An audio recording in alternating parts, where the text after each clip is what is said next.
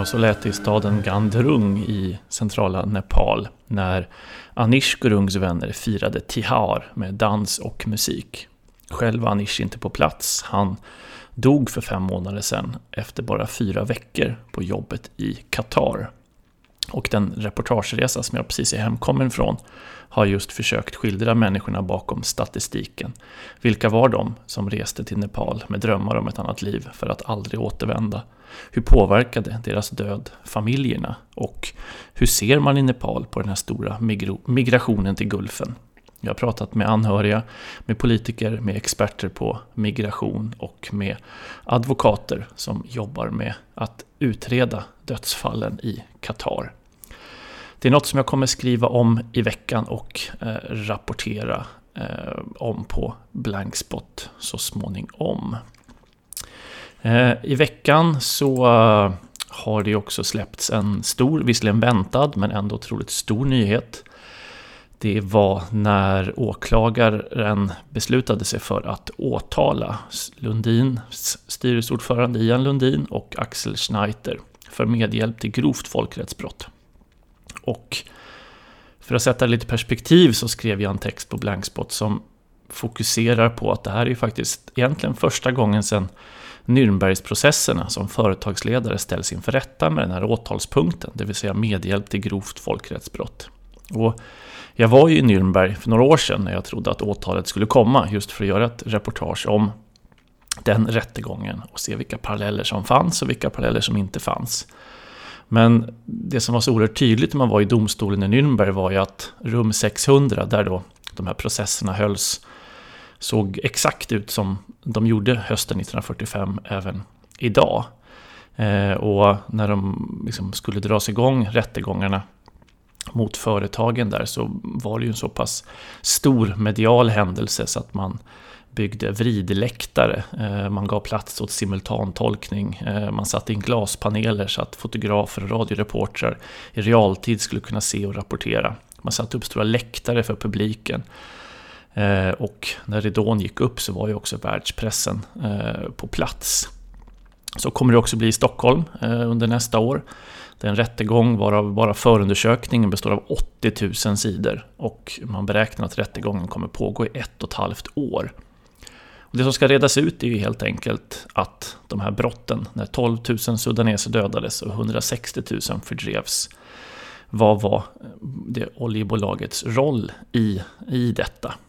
Eh, och där finns ju också eh, i brottsrubriceringen samma dignitet och samma allvar som då hände i Nürnbergrättegångarna.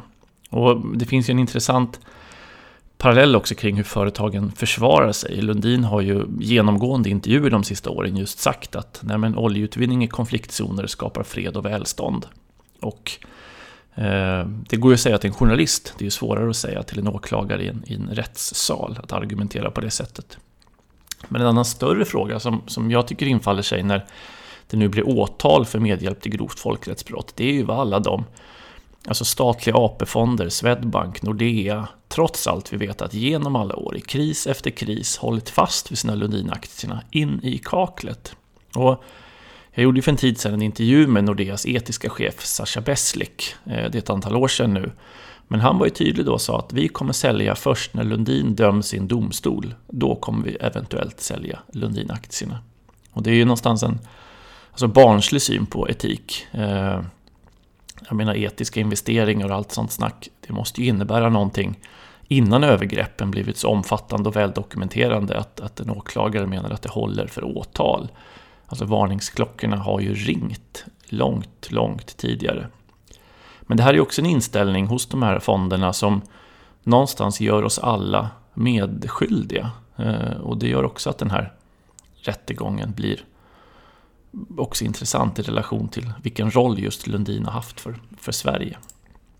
Eh, Utöver eh, det så rapporterar vår praktikant Emma Engqvist i veckan från en säkerhetskurs för journalister hon har gått i Uppsala. Eh, vi skriver också om hur Myanmars frisläppta, frisläppta samvetsfångar snabbt greps igen.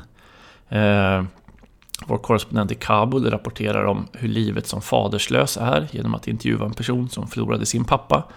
idag på Fars dag, men för två år sedan i ett terrorattentat.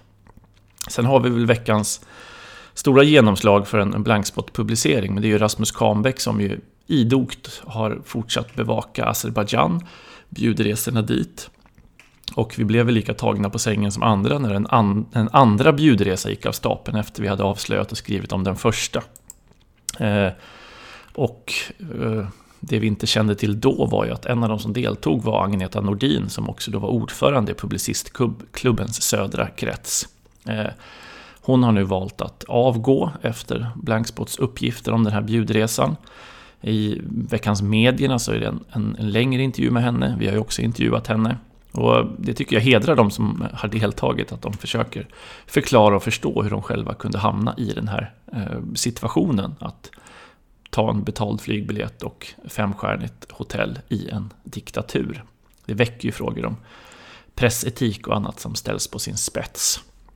Eh, vi hoppas ju också att intresset för Azerbajdzjan fortsätter, att det inte bara handlar om den här bjudresan framöver. Och i en text så skriver också Rasmus Kambeck, som ju bevakar den här regionen för oss, att hur spänt det är Nagorno-Karabach ett år efter eldupphöret.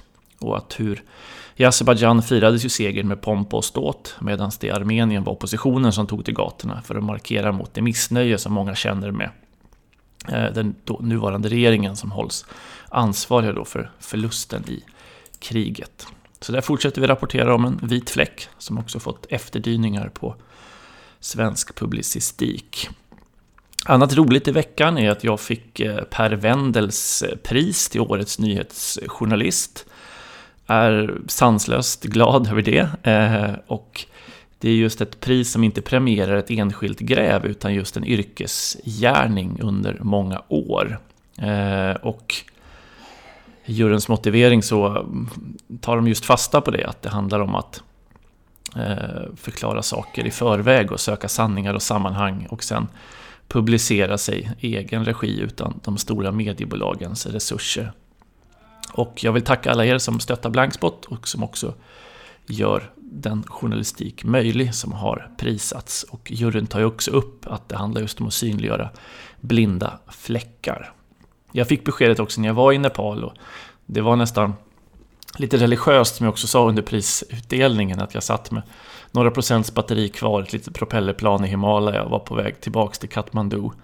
Eh, och ja, men det var, Nepal var ju det land där jag liksom började eh, hitta berättelser, lärde mig, lärde mig bli, vara journalist helt enkelt bland bergen och i Dalarna och i mötet med människorna. Men också lärde mig att leva på min penna tillsammans med fotografen Jonas Gratzer som jag jobbade med då. Bära hem berättelser och eh, det var också en styrka kände jag nu när jag var tillbaka att jag hade intervjuat många av människorna jag mötte för 10 år sedan och en del för 15 år sedan också. Det ger liksom perspektiv på, på frågorna som, eh, som man skriver om. Eh, Per Wender, för ni som inte känner till vem det var, eh, han bevakade politik, eh, krim, var utrikeskorre för Expressen. Fick Stora Journalistpriset för Ebbe Carlsson-avslöjandet. Eh, som ju tvingade både justitieministern och rikspolischefen att avgå. Också ett sånt där liksom enormt avslöjande som hade allt. Han avled i cancer 2005 och 2006 så instiftade Expressen då priset. Och i juryn satt bland annat Thomas Mattsson, tidigare chefredaktör.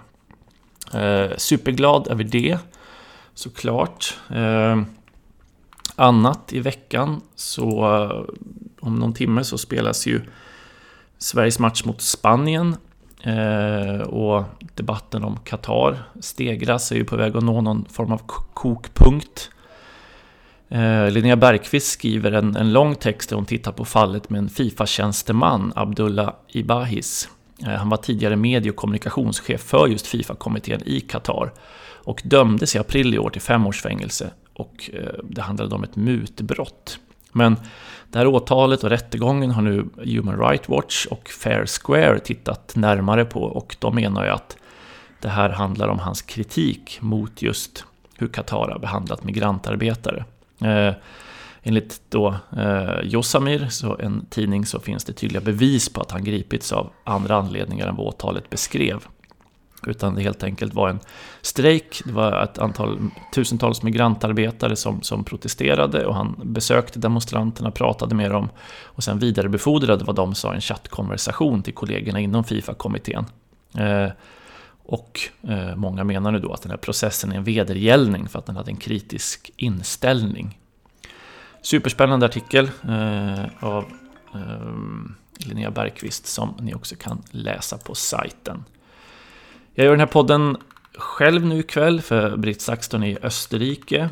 Eh, vi ser fram emot analyser av henne om eh, vaccin och coronasituationen där. Eh, de har ju infört väldigt stränga krav på de som inte är vaccinerade.